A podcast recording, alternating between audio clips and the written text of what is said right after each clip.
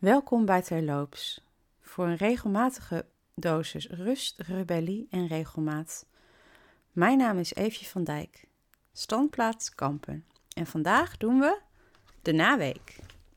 De naweek, een heel mooi woord voor weekend, een Afrikaans woord. Ik vond hem leuk omdat het wat minder Engels klinkt. Dat, niet dat ik iets tegen Engels heb.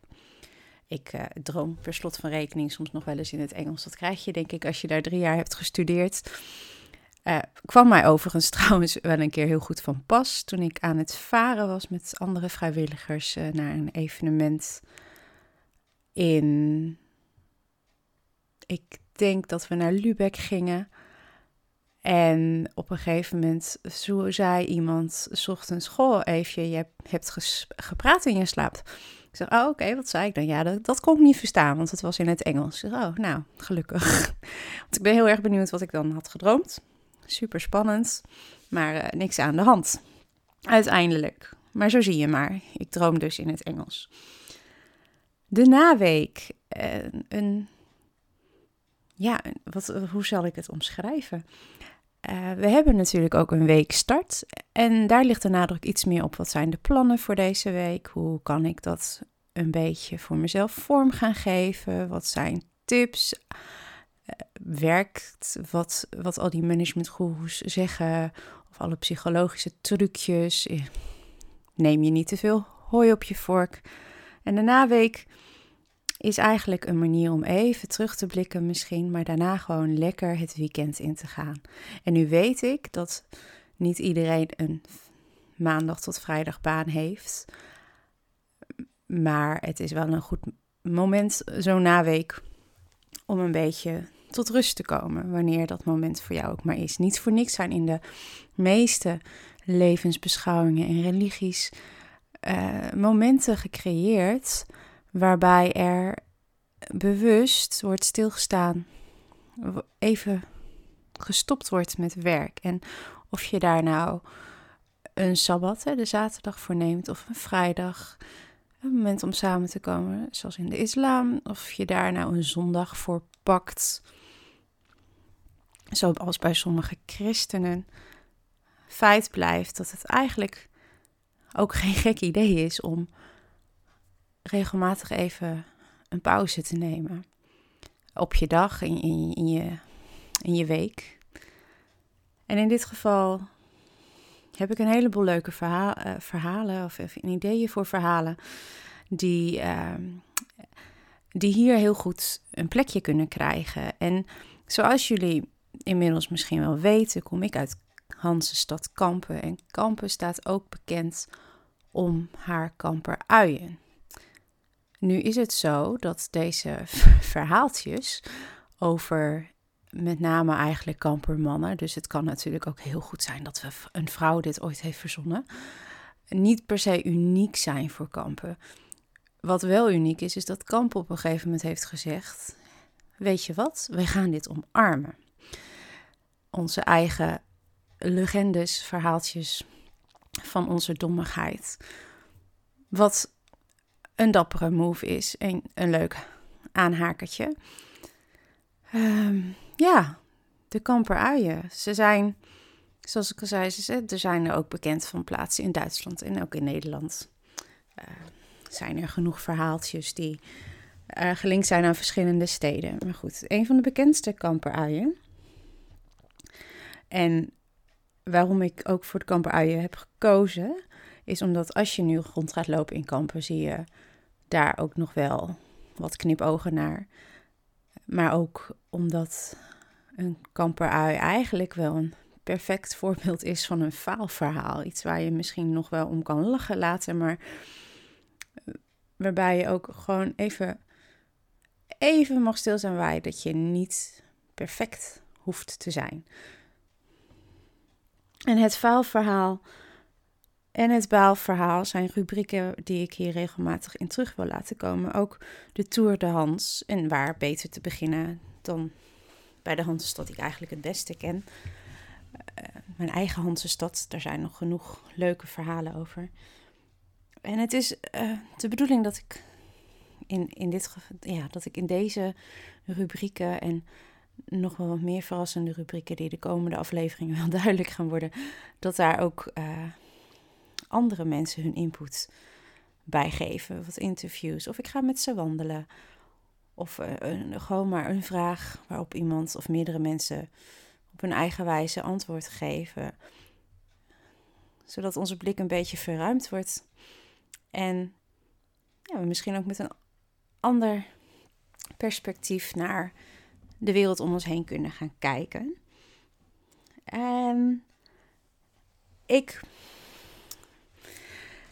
ik heb bedacht dat, dat, uh, dat ik ga beginnen dus met het bekende verhaal van de kamperkoe. De koe in de toren. Het verhaal gaat dat er op een gegeven moment wel zo verschrikkelijk veel gras groeide bovenaan de toren, dat men met de handen in het haar zat. Het stak zelfs naar buiten. Dus als je naar boven keek, zag je allerlei groene sprietjes. Een van de schepenen had het briljante idee om een koe naar de toren te hijsen. Want, nou ja, koeien zijn supergoed in grasmaaien. En zo geschiedde. De koe werd opgehezen, halverwege de toren. Keek men omhoog en riep men uit: Wauw, die koe heeft echt trek, want de tong stak uit. Nou ja, onnodig te zeggen dat deze koe het niet heeft gehaald. Ja, wat moeten we daar nou van zeggen? Hoge nood. Er moest iets gebeuren daar boven in de toren. En over hoge nood gesproken. Ja, ik, ik, ik, ik loop dan rond in. Uh, ik, ik wandel best wel veel. En dan loop ik rond. En dan hebben we hele mooie uh, toeristische bewegwijzigingsbordjes. Mooie rode bordjes. Op, op het Instagram-account zie je wel een foto. En natuurlijk wordt daar verwezen naar het Iconenmuseum, het Stedelijk Museum. Nou, al dat soort dingen. Maar er wordt ook verwezen naar het urinoir. En iedere keer dat ik dat zie, denk ik: ja, goh, dat eh, is echt een, uh, een toeristisch hoogtepunt. Het, uh, het zal vast wel opluchten wanneer je daar nodig moet.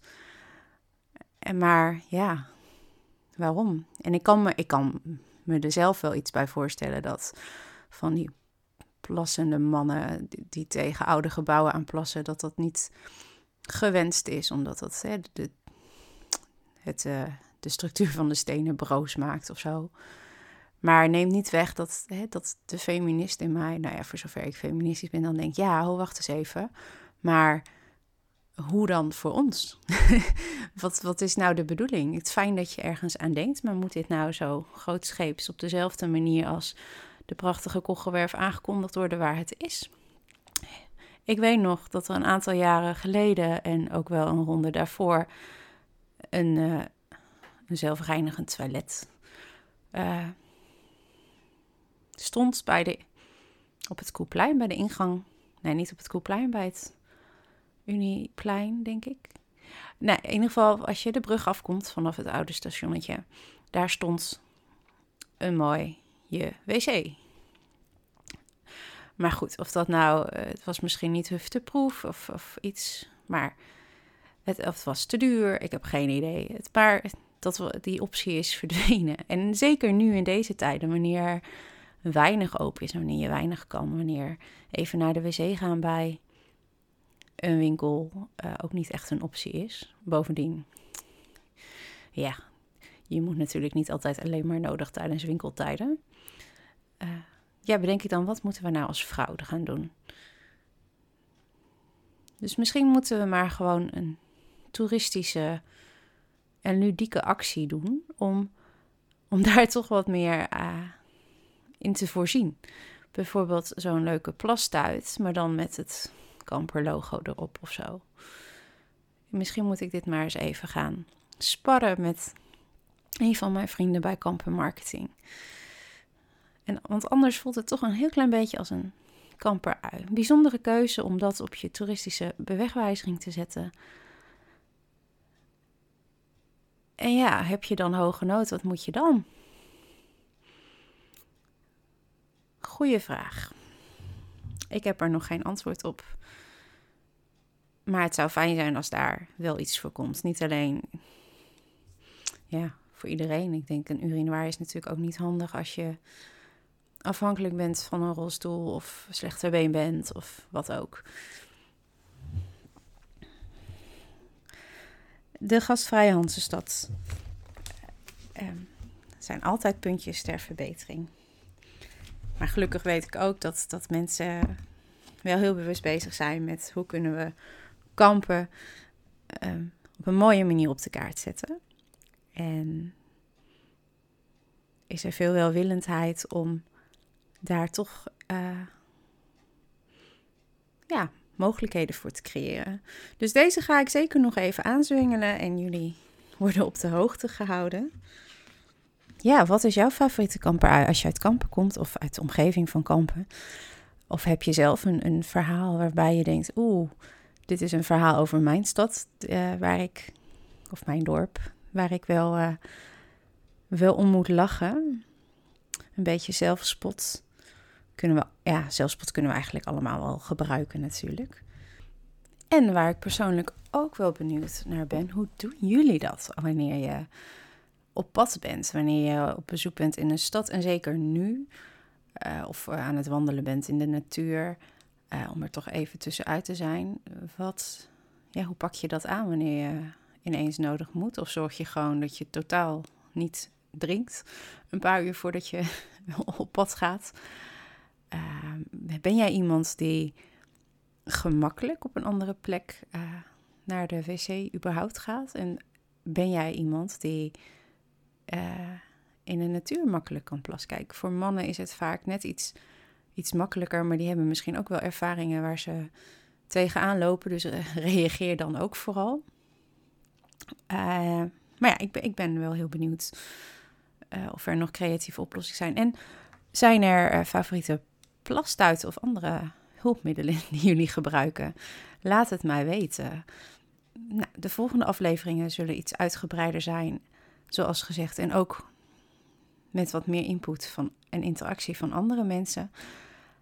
Dus ga zeker luisteren. Uh, abonneer je. Dan ben je ook op de hoogte van uh, wanneer er weer een nieuwe aflevering online staat. Of uh, volg ons op Instagram via tegloops liggend streepje, de liggend streepje podcast. Ik ben benieuwd waar het volgende verhaal ons naartoe gaat brengen en hoe we deze reis samen verder gaan maken. Leuk dat je luisterde. Volg ons in ieder geval, dan uh, heb je alvast een beetje een idee waar de welk verhaal we de volgende keer gaan bespreken en wie er te gast gaat zijn. Graag tot dan.